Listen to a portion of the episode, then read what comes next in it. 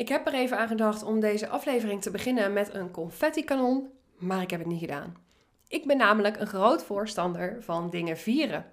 Mijlpalen, stilstaan erbij, ze erkennen, er echt bij stilstaan en genieten van het feit dat je ze hebt bereikt. Mijn mooiste verhaal rondom iets vieren zijn toch wel mijn Louboutins. Toen ik startte met ondernemen, heb ik van mijn eerste omzet, ja dat hoor je goed, niet winst, omzet, ja ja, lekker roekeloos, heb ik een paar Louboutins gekocht. Ik ben een ontzettende schoenenfreak en met name pumps. Echt, I love it. Ik had er, weet ik het hoeveel. Nu ik in Canada woon, heb ik er een stuk minder. Maar ik had destijds een enorme verzameling. Ja, wat is nou het ultimum voor een pumpliefhebber zoals ik? Ja, dat waren toch wel Louboutins, hè? de pumps met de rode zol. Dus ik besloot, ik heb het lef gehad om mijn eigen bedrijf te starten. En dat ga ik vieren door zo'n paar van die schoenen te kopen. Dus op een zaterdagochtend reden wij naar Parijs. Want ja, als je het dan doet, moet je het natuurlijk wel goed doen. En op zondagavond reden we terug. Maar die zaterdagmiddag ging ik daar naar een zaak toe, naar een Louboutin winkel toe. Die hebt een stuk of vijf of zo in Parijs. Uiteraard had ik van tevoren al onderzoek gedaan welke ik wilde hebben. Met een doel liep ik die winkel in van ik wil deze schoenen in deze maat. Nou, heb je die? Als het goed is wel. Want uiteraard, hè, Phyllis dat ik ben, had ik van tevoren al contact opgenomen. Hebben jullie ze wel op voorraad? Nou, ik die schoenen daar halen. Ik passen. Nou, ze pasten helemaal trots. Dat ik dacht, hoe loop ik nou echt in zo'n winkel? En ga ik hier echt iets kopen? Nou, dat heb ik dus gedaan. Echt, ze zijn prachtig. Wacht, ik ga ze laten zien. Als je dit kijkt op YouTube, dan kun je dus de schoenen zien. Eén moment. Kijk, daar ben ik weer. Kijk, daar zijn ze. Oh, ja, ze zijn zo mooi, hè? Ze zijn nog echt uh, bijna helemaal rood, ook van onderen.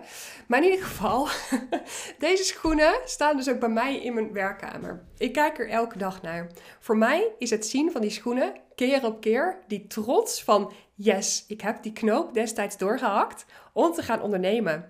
Om een ZZP'er te worden. Voor mij was dit een hele belangrijke viering. En ik draag ze amper. Hè? Dat, als je het dus hebt gezien, die zool is nog praktisch intact. Ik heb ze alleen af en toe naar kantoor gedragen. Maar dan deed ik ze pas binnen aan. Want ja, buiten dan ging de zool beschadigen. Maar in ieder geval, het is voor mij echt die mijlpaal geweest. Die viering. En dat gevoel van wauw, ik heb het gedaan. Iets anders wat ik jaarlijks vier, nee, niet mijn verjaardag, is het feit dat in 2012 heeft mijn man een zwaar motorongeluk gehad. En elk jaar, op de dag van zijn ongeluk, gaan wij uit eten of we eten een gebakje. Elk jaar op die dag doen wij iets om erbij stil te staan dat hij er nog is.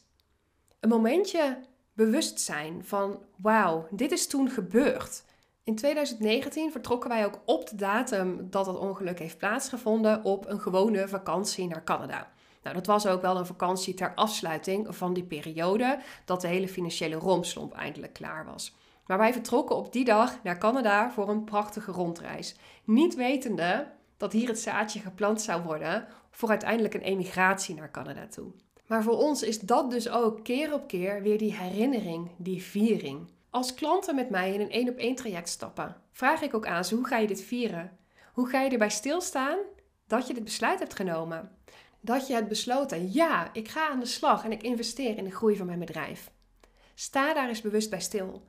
We zijn veel te vaak geneigd om overal maar doorheen te vliegen en doorheen te gaan en niet bij stil te staan wat er allemaal onderweg komt. Bij iets vieren hoeft voor mij dus niet per se een doel bereiken te zijn. Het kan ook een stap zetten zijn. Als het een stap is, iets wat jij moeilijk vindt, als iets wat jij lastig vindt om te gaan doen, buiten je comfortzone. Als je dat dan kunt vieren. En dan zeg ik niet dat je altijd spullen voor jezelf moet kopen. Het kan ook zijn een lekker bakje thee drinken en er bewust bij stilstaan. Een mooie strandwandeling maken en eventjes bewust nadenken van, oh ja, dit en dit heb ik gedaan. Het erbij stilstaan zorgt er namelijk voor dat je het niet gaat bagatelliseren. Stel nu dat het voor jou heel moeilijk is om consistent elke week een artikel op LinkedIn te plaatsen terwijl je dat wel heel graag wilt. Stel nu dat jij zegt: Ik ga dat nu een maand lang doen. Dan kun jij nu ook zeggen: Als ik dat heb volgehouden, dan ga ik aan het eind van die maand ga ik nou, die strandwandeling nemen. En dan ga ik even bewust bij stilstaan dat ik het maar mooi wel heb gedaan. Wat je daarmee namelijk voorkomt, is dat je het gaat bagatelliseren.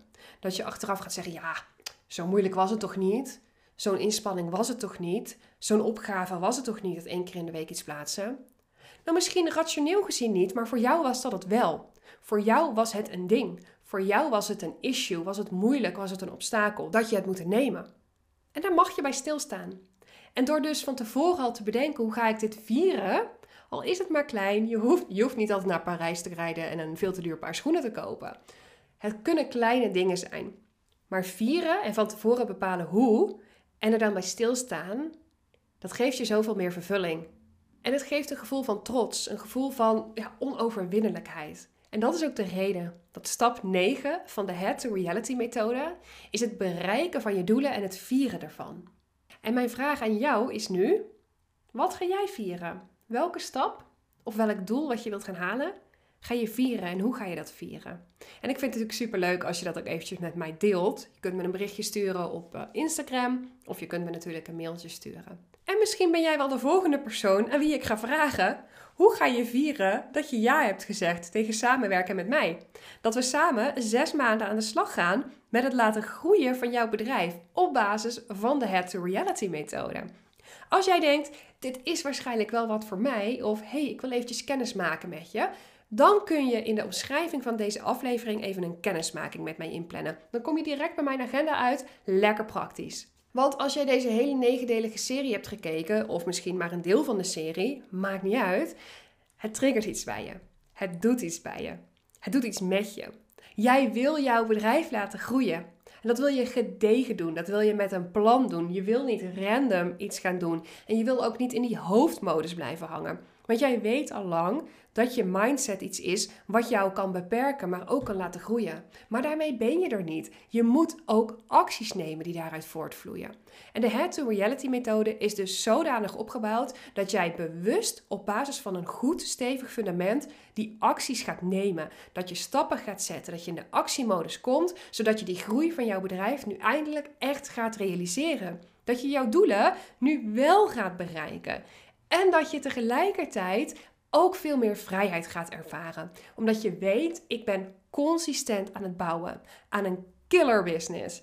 En tegelijkertijd ervaar ik ook een gevoel van vrijheid. Omdat ik weet, yes, ik ben ergens mee bezig.